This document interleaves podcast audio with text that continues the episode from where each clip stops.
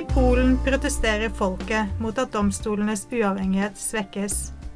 I Tyrkia fengsles dommere som er kritiske til regimet. I Norge skal en domstolkommisjon utrede om våre domstoler skal bli mer uavhengige.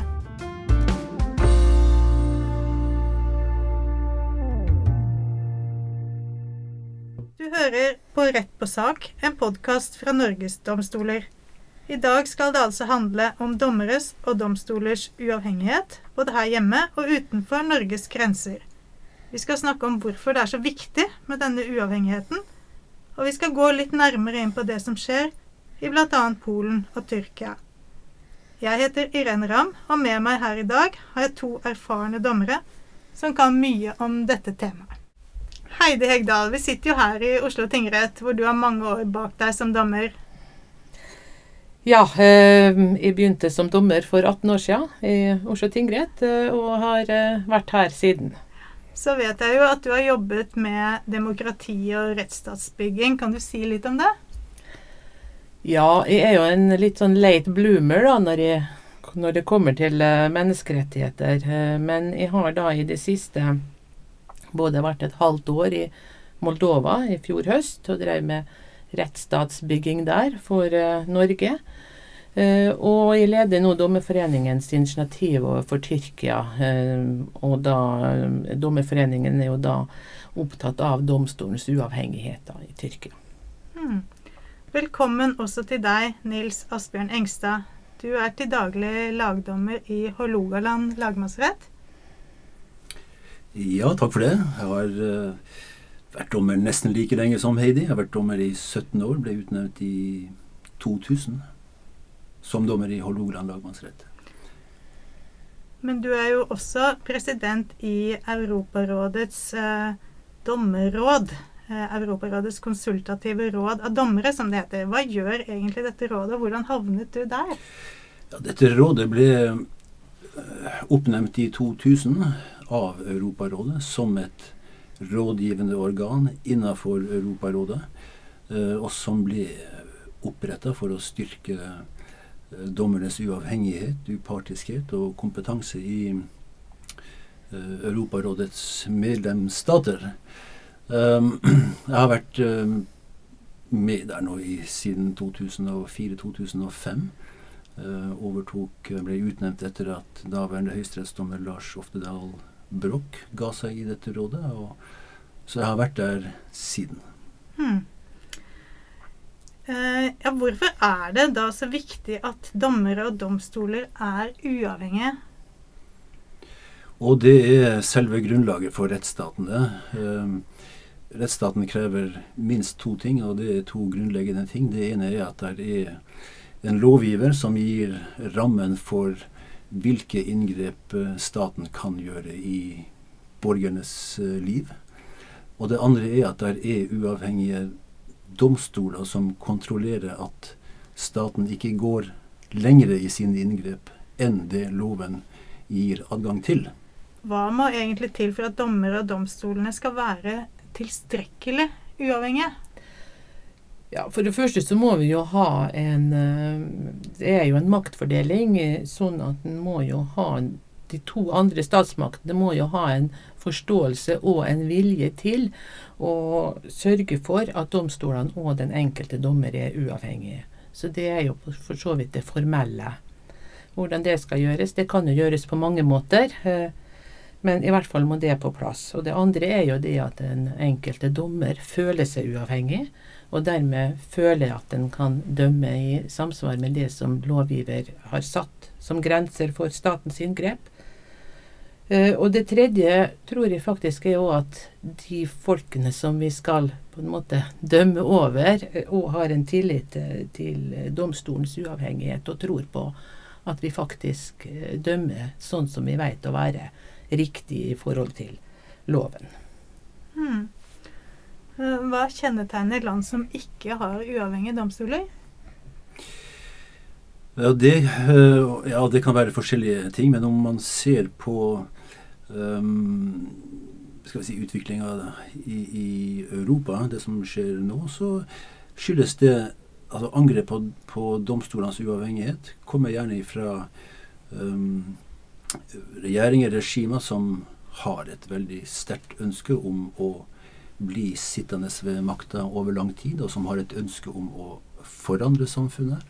Og for å få det til, og for å få det lettere til, eh, så må man ha kontroll over de uavhengige domstolene, slik at de ikke lenger er en plagsom maktfaktor eh, for utøvelsen av makta til de andre statsorganene.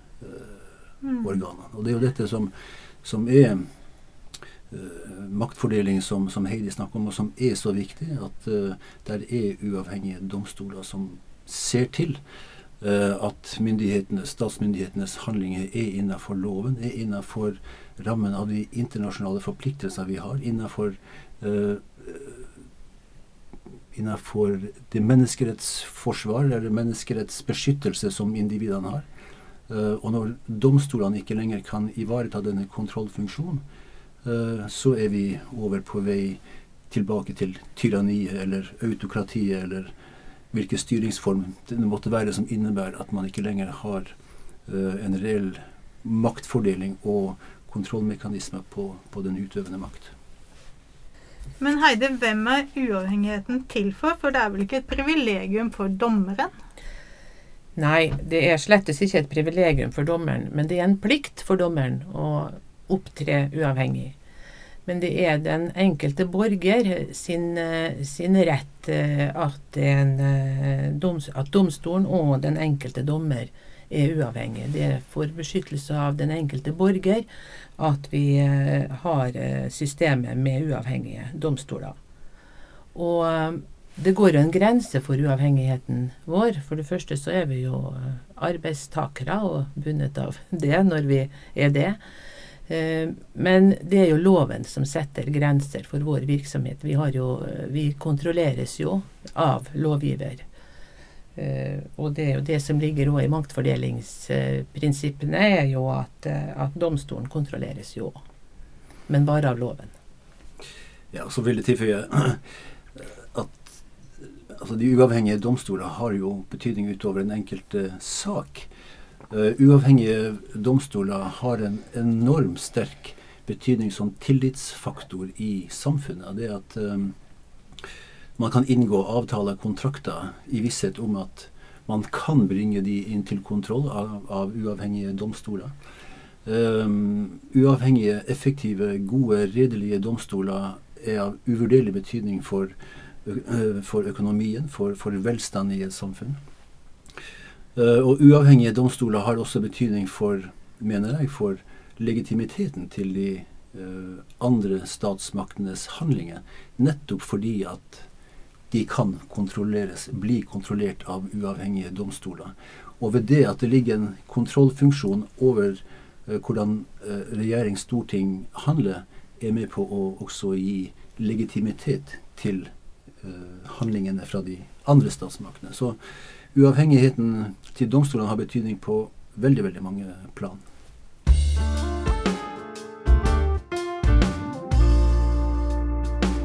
La oss høre et innslag fra nyhetene på NRK for ikke så lenge siden. Her er NRK Dagsnytt, det er midnatt. I Polen har flere tusen mennesker demonstrert mot en ny rettsreform de mener truer demokratiet. Blant annet vil myndighetene kontrollere hvem som utnevnes som dommere i Høyesterett. Aksjonistene mener dette minner om i Russland. Her hørte vi altså en nyhetsmelding fra NRK Dagsnytt fra en demonstrasjon i Warszawa. Den nasjonalkonservative regjeringen vil bestemme hvem som skal være høyesterettsdommere, og det gjør folk så opprørte at de går ut på gatene for å protestere.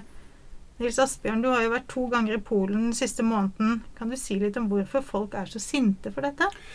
Og det er fordi at de ser at den polske rettsstaten er i oppløsning. De ser at det polske demokratiet er i fare. Uh, og det er et sørgelig syn. Det er svært bekymringsfullt. Uh, og derfor så går også mange i gatene. Men hva er det regjeringen prøver å oppnå med dette? Vi har sett det siden 2015, etter valget i 2015, da Lov- og rettferdighetspartiet fikk flertall i parlamentet. Uh, uh, Duda ble valgt til president, så forsøkte man raskt etter maktovertagelsen å uh, få kontroll over de polske domstolene. Og første offer i dette spillet det var den polske konstitusjonsdomstolen, som man forsøkte å få kontroll med, først ved å lage uholdbare saksbehandlingsregler som hemmer arbeidet i domstolen. Og senere ved å ha fått skifta ut dommere i den domstolen. Og det er vel ingen internasjonale observatører som nå lenger ser den polske konstitusjonsdomstolen som en uavhengig domstol. Betydningen av det er jo at man da har gitt større spillerom til regjering og til parlamentet når makten til den polske konstitusjonsdomstolen uh, er blitt uh, eliminert. Så har man deretter um, forsøkt å få kontroll over de øvrige domstolene ved å få kontroll over Domstolsrådet, som da er et konstitusjonelt organ i Polen som spiller en viktig rolle i utnevninga av dommere. Man har forsøkt å få kontroll over Høyesterett ved å gi eh, president, justisministeren, kompetanse til å avsette de høyesterettsdommerne som man måtte ønske. Og man har gitt justisministeren eh, makt og myndighet til å avsette domstolledere til å gjeninnsette nye. Um, Men det er en dragkamp her, fordi um, president Duda uh, har uh, tviler litt på om han vil uh, godkjenne disse lovforslagene. Ja, Presidenten la jo ned veto mot to av de lovforslagene. Og for et par uker siden så la han fram sine egne, altså nye forslag på de samme, på de samme områdene. Det gjelder altså Domstolsrådet, og det gjelder Høyesterett. Men, men forskjellen er ikke veldig stor ifra de lovene som han la ned veto mot. Når det gjelder Høyesterett, så er hans forslag at man senker pensjonsalderen til 65 år. Det betyr at 40% av dommerne i Høyesterett må gå. Ikke alle, men 40% Men det er, det er ille nok. Uh, og når det gjelder uh, Domstolsrådet, så er det mer tekniske forandringer som, som, egentlig ikke endrer på det faktum at det fremdeles vil være politisk, et politisk styrt uh, organ. Så du kaller det en dragkamp, men jeg, jeg tror det er mer en justering for å roe ned de rasende folkemengdene som, som marsjerte i Warszawa og et hundretalls andre byer i juli. Og det man har fått tilbake, er ikke en stor forandring fra det som lå der eh, opprinnelig, men kanskje nok til at man ikke klarer å mobilisere så mange folk i gatene denne gangen. Mm. Eh, hvordan ser dere på mulighetene for å påvirke Polen til å snu? Har EU eller Europarådet noen makt her? Nei, de skulle jo kanskje ønske at de hadde mer makt. Eh, e snakker jo litt om å, å trykke på knappen og, løse, og gi slipp på Polen. Eh, men det kreves jo en enstemmighet, eh, så det var kanskje ikke så realistisk. Men jeg tror det at de enkelte nasjonale regjeringer i samarbeid med, med det internasjonale det internasjonale samfunn, som Europarådet, OSSE, EU eh, og de eh, forskjellige menneskerettighets, eh, internasjonale menneskerettighetsorganisasjonene må prøve å få brukt sin makt og presse på Polen. I hvert fall holde et trykk og en, et fokus på det som skjer. Og du Nils Asbjørn, du har jo eh, gjort ditt. Du har eh, mottatt en pris i Polen for ditt iherdige forsvar for dommeres og domstolers uavhengighet. Kan du si litt om hvem som har gitt deg den prisen, og hva den innebærer? Ja, det var det polske domstolsrådet som, som beslutta å tildele meg denne prisen. Um, som oversatt til norsk betyr noe sånt som velfortjent for uh, rettferdighet, eller velfortjent for uh, rettssikkerhet.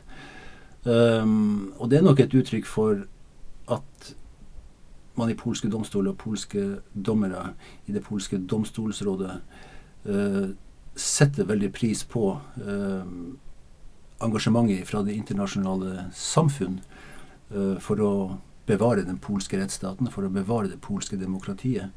Uh, så um, det er nok først og fremst uttrykk for en, en, anerkjennelse av den jobben som Europarådet og dette rådet som er ledig i Europarådet har gjort, og ikke så mye uh, en pris som, som jeg personlig har gjort meg fortjent til.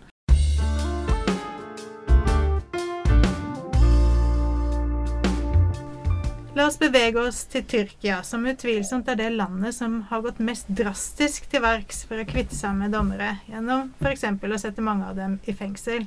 Heidi, du har jo fulgt utviklingen der tett. Hva er det egentlig som skjer i Tyrkia?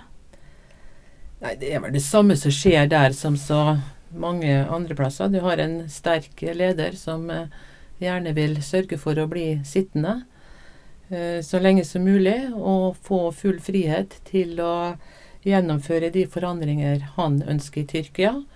Og for å få muligheten til det, så må han få kontroll over eh, domstolene. Eh, og han går jo litt mer drastisk til verks enn det de har gjort i Polen. Han er litt mer direkte, kan man si. Han eh, har vel da varetektsfengsla en tredjedel av eh, Eller ikke han, da, kan du si, men en tredjedel cirka av dommerne og aktorene i landet er nå varetektsfengsla. Mange av de har sittet eh, siden kuppet, som er jo da over et år sia. Eh, og eh, de som sitter igjen, kan du si, de kan en jo ikke akkurat si er uavhengige, for de er jo redd for å havne i samme situasjon. Mm. Og det er jo ikke bare det at de blir varetektsfengslet, men de kan jo miste jobbene sine eller bli eh, bli forflytta, og det er jo mange mange tusen flere som har opplevd. det. Jeg tror det er nå 140 000 eh, ansatte, statsansatte som har eh, mista jobbene sine eller da varetektsfengslet. Mm. Hva slags eh, forhold sitter disse dommerne under i, eh, i varetektsfengslene? Det er jo litt eh, forskjellig, egentlig. Eh, det er jo én av dommerne som vi vet om som har sittet veldig lenge i isolasjon, en kvinnelig dommer. Eh, og så har vi han som var leder for den uavhengige dommerforeningen i Tyrkia. Eh, han heter Morat. Han eh, sitter for så vidt under eh, altså, såpass gode forhold som en kan si de kan ha i tyrkiske fengsel. Men han uh, har nå fått ekstra restriksjoner fordi han hadde kritisert noe som skjedde i fengselet i et brev til sin kone, så han får nå ingen besøk lenger, bortsett fra, fra advokaten. Mm. Uh, et av problemene for de som sitter i varetekt, er jo at de har jo ingen siktelse eller en anklage. Så hva de egentlig sitter der for, er litt uklart. Uh, og de regner jo med at det er at de skal ha hatt forbindelse med en terroristorganisasjon som da kalles for Gulan, eller Fetu-bevegelsen. Eh, men eh, veldig veldig mange av de har ikke sett et, et anklageskrift eller en siktelse, så de er jo usikre på det òg. Mm. Morat har jo fått eh, Havel-prisen eh, ganske nylig. Er det noe som kan bedre hans utsikter, tror du? Det er jo veldig vanskelig å si. Jeg tror ikke at, at Erdogan lar seg så lett påvirke, for å si det sånn. Men, men for Morat vet jeg, og jeg kjenner jo hans eh, forsvarsadvokat, så jeg vet at for Morat er det en stor inspirasjon å få den prisen. Og det er jo litt det samme som Nils Asbjørn sa her òg, at for de som er utsatt for det her, og som uh, sitter i varetekt, så er jo da den viten om at det internasjonale samfunnet følger med. At, enkelte, at enkelte dommere og dommerorganisasjoner eh, støtter de og følger med på de, og at de vet det, det gjør at det blir eh, lettere for dem rett og slett å, å holde ut, fordi at de tror at den følelsen av at de blir glemt, Særlig når de blir sittende så lenge i varetekt. Den tror jeg er ganske ødeleggende for dem. Mm. Hva tenker du om fremtidsutsiktene her? Og skal vi si at jeg er en forsiktig pessimist? Mm. Um, jeg har ikke sterk tro på at uh, det, det, tyrkiske regimet, som jo gir uh, Altså som bryr seg lite om rettsstatsprinsipper og, og, menneskerettigheter vil endre seg på, på kort, kort, sikt.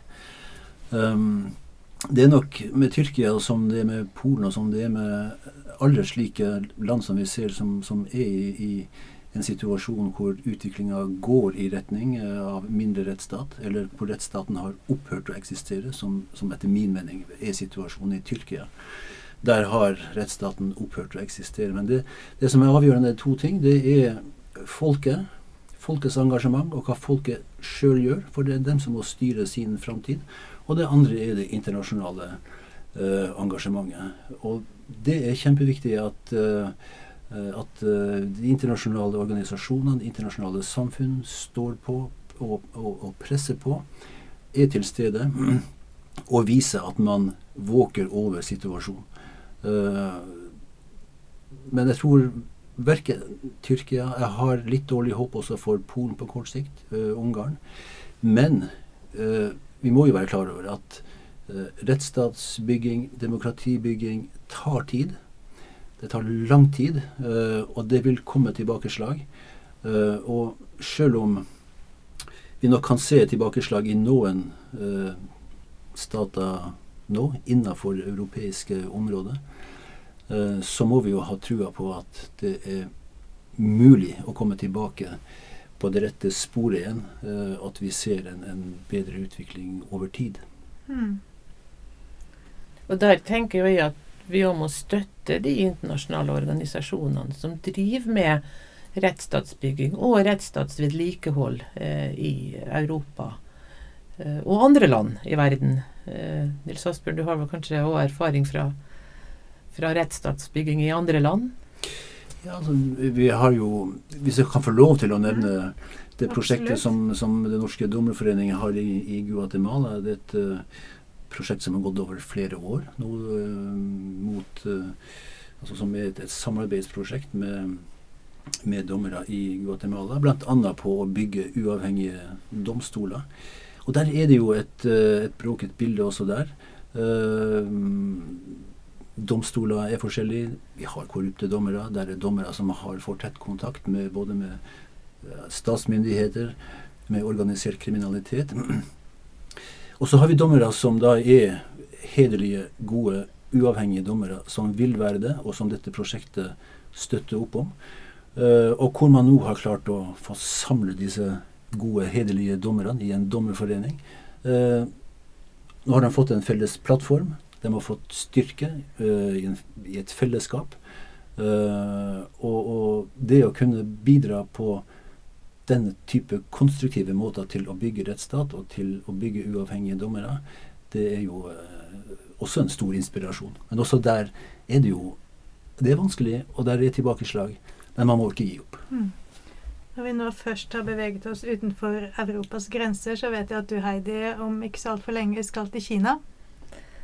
Ja, det stemmer. Eh, Kina har jo òg eh, fatta interesse for menneskerettigheter, og har jo eh, ratifisert eh, menneskerettighetskonvensjonen eh, og er faktisk eh, opptatt av å lære mer om hvordan de praktisk skal forholde seg til de, de fundamentale menneskerettigheter, og spesielt for særlig da for fangebefolkningen og for varetektsfanger, som er nå temaet som vi skal da holde et foredrag om i Changdu, som ligger midt i Kina. Vi har gjort det en gang før, eh, fordi at Sivilombudsmannen har en eh. Eller hadde en menneskerettighetsdialog med, med Kina, men den ble jo eh, stoppa i 2010. Men nå kan vi si at nå er den gjenopptatt igjen, den òg. Så da er det jo det samme i Kina, mener jeg, som det er i Europa, i Guatemala det er jo hvis du får kommet med informasjon, og du får snakket uh, om disse her uh, viktige tingene, og om uh, betydningen av uavhengige dommere og domstoler og, og, menneskerettigheter og de fundamentale rettigheter som vi alle har, så tror jeg at på lang sikt i hvert fall at det kan være håp om at det blir en ja, at det blir en, en mer fungerende rettsstat i flere land. La oss håpe det.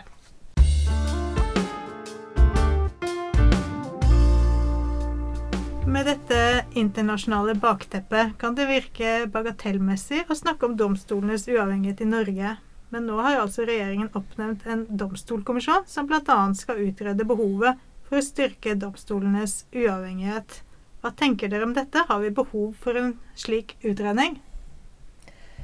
Ja, det mener jeg absolutt at vi har. Eh, vi snakker jo mye om å bygge rettsstat, men vi må jo vedlikeholde rettsstaten. Eh, og det er jo òg et arbeid som eh, må gjøres kontinuerlig. Og vi har jo i Norge en, altså vi har en høy tillit i befolkningen, domstolen, og vi oppfatter oss jo selv som uavhengige, og reelt sett er vi det. Men formelt sett så er vi vel kanskje ikke helt eh, i mål. Og hva ligger det i det at vi ikke er i mål eh, formelt sett? Og vi har en lovgivning som ikke holder internasjonalt mål på eh, dommerutnevnelser og på det systemet som omgir domstolene, og som skal eh, på en måte trygge domstolene sin uavhengighet. Um, helt sikker på at det polske regimet, det ungarske regimet Man ville vært svært lykkelig om man kunne fått importert den norske lovgivninga, for da hadde man hatt kontroll over hvem som skal utnevnes til dommere. At Man hadde hatt kontroll på hvem som skal uh, utnevne dommere. man ville hatt kontroll på, på domstolsrådet. Eh, på, på disiplinærsystemet for dommere. Eh, og slik at det formelle i, i Norge er på langt nær på plass.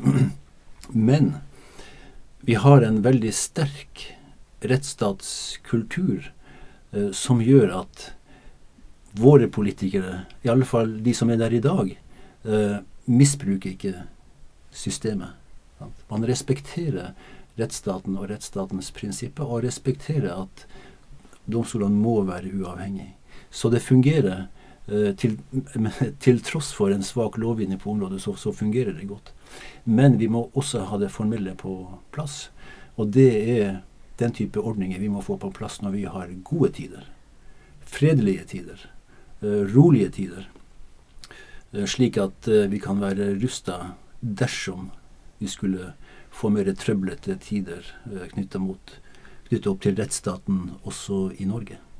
Det, det, har vi jo ingen garantier for i dag. Mm. Du sitter jo selv i kommisjonen. Ja. Um, tar vi domstolenes uavhengighet litt for gitt her i landet? Ja, jeg tror kanskje vi gjør det. Og jeg tror folk flest tenker nok helt sikkert ikke over og går og er glad og lykkelig hver dag for at vi har uavhengige domstoler her i Norge. Vi tar det som gitt, og, og på en måte så er det jo godt. Det, det, et, det kan iallfall være et tegn på at vi har et godt samfunn uh, når man ikke behøver å gå rundt og bekymre seg for um, domstolenes uavhengighet og upartiskhet hver dag. Mm. Og jeg tror jo til og med at vi dommere tar det for gitt. Vi tenker ikke så mye over det i det daglige at uh, det formelle er ikke på plass. At vi har et, et lovverk som kan medføre at regjeringen får, har, om de ikke bruker det, en større makt eh, enn det vi, vi, skulle ønske. Så alle går vel egentlig litt rundt og tar det for gitt. Hva syns du er det viktigste som uh, Domstolkommisjonen bør foreslå å endre?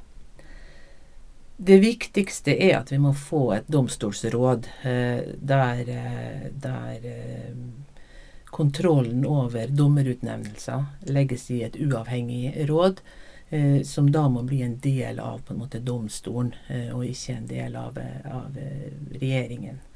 At, at, den makten som nå regjeringen har, flyttes over til et domstolsråd. Og det er jo spesielt utnevningen av dommerne som er, er viktig der, og hvis det skal være noen form for sånn karriereløp for dommere. Det har vi jo tradisjonelt sett ikke i Norge, men, men en veit jo aldri hva som, hva som, kommer der heller. Og, og det må jo, og samme òg med, med disiplinær eh, Altså disiplinering av dommere, for å si det sånn. Og eh, ja. Er det noe som bekymrer deg eh, ved situasjonen i dag? Ja, det som bekymrer med, med, situasjonen i dag, er det at vi har et stort antall dommersmektige som ikke er utnevnt. Eh, heller ikke på den måten som vi dommere er utnevnt. De er ansatt på eh, vanlige vilkår, eh, med, og ikke på livstid, eller som det vi er. Eh, og det, de utgjør nå ca. 30% av de som dømmer i førsteinstans. Eh, og det er en situasjon som vi mener burde bekymre flere enn meg. Eh, fordi at eh, vi har jo da eh, på tross av den følte uavhengigheten vi har, eh, tross alt er en tredjedel av førsteinstansdommerne som ikke da er uavhengige. Og 90% av saken avgjøres jo i første instans. Det må en jo òg være klar over at, uh, at, uh, at, det er en veldig stor del av den virksomheten vi gjør, gjøres jo i første instans. Og eh, grunnen til at det har blitt så mange av dommerfullmektiger, er nok fordi at det går to dommerfullmektiger per dommer. Og med de budsjettene som domstolen har hatt de siste år, så har jo eh, dommerfullmektigene blitt en, en, mulighet til å opprettholde skal jeg si, saksavviklingen. Eh, vi er jo effektive i Norge. Og det er viktig. Det må vi være. Eh, men dommerfullmektigene blir jo da en, en måte å, å, klare de målene som, som blir satt for oss, uten at det går utover budsjettet. Mm. Er budsjettene også en måte å kontrollere domstolene på? Det kan de være. Um, dersom domstolene ikke får tilstrekkelige bevilgninger, midler, penger til å drive for, så har man mindre effektive domstoler. Og i mest, altså verste fall så kan man jo lamme virksomheten i domstolen bare ved å gi tilstrekkelig lite penger til domstolen. Altså, finansiering og tilstrekkelig økonomisk fundament for domstolene sin virksomhet er jo kjempeviktig. Det er noe av også det Domstolkommisjonen skal se på. Um, kommisjonen skal også se på altså, domstolstruktur. Bør vi gjøre endringer i den strukturen vi har nå? Uh, hva kan vi gjøre for å jobbe enda mer effektivt, bedre? Uh, og samtidig ha god kvalitet over, over avgjørelsene. Men også det her med Eh, uavhengige domstoler, og uavhengige dommere, er en sentral del av mandatet til Domstolkommisjonen. Uh, og vi har jo vært uh, nå borti mange av de temaene, og det som, som Heidi snakker om her, om, som på et mer overordna plan kan kalles for midlertidige dommere, er jo også et, et viktig tema oppi dette. Utgangspunktet er jo at dommere utnevnes Eh, for livstid, dvs. Si til vi går av med pensjon. Og det, det er en helt sentral base for, for de uavhengige dommerne. Eh, og derfor så er ordninga med midlertidige dommere et litt følsomt spørsmål oppi dette med uavhengige domstoler og uavhengige dommere. Mm, ja, for dere er begge to uavsettelige og kan altså si hva dere vil. Det kan vi, og det gjør vi. og det gjør vi, ja. ja, um, Domstolkommisjonen skal bruke tre år på å finne svaret på disse spørsmålene. Men nå sier vi tusen takk til Heidi Egdal og Nils Asbjørn Engstad for at dere delte tanker og erfaringer med oss.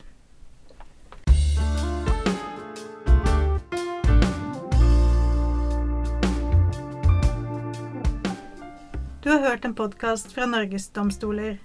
Gi oss gjerne en tilbakemelding på iTunes. Du kan også sende oss en e-post hvis du har innspill eller forslag til nye temaer vi kan ta opp. Vår e-postadresse er redaksjonen krøllalfa domstol.no. Del oss gjerne på sosiale medier, og lytt på oss igjen om ikke altfor lenge.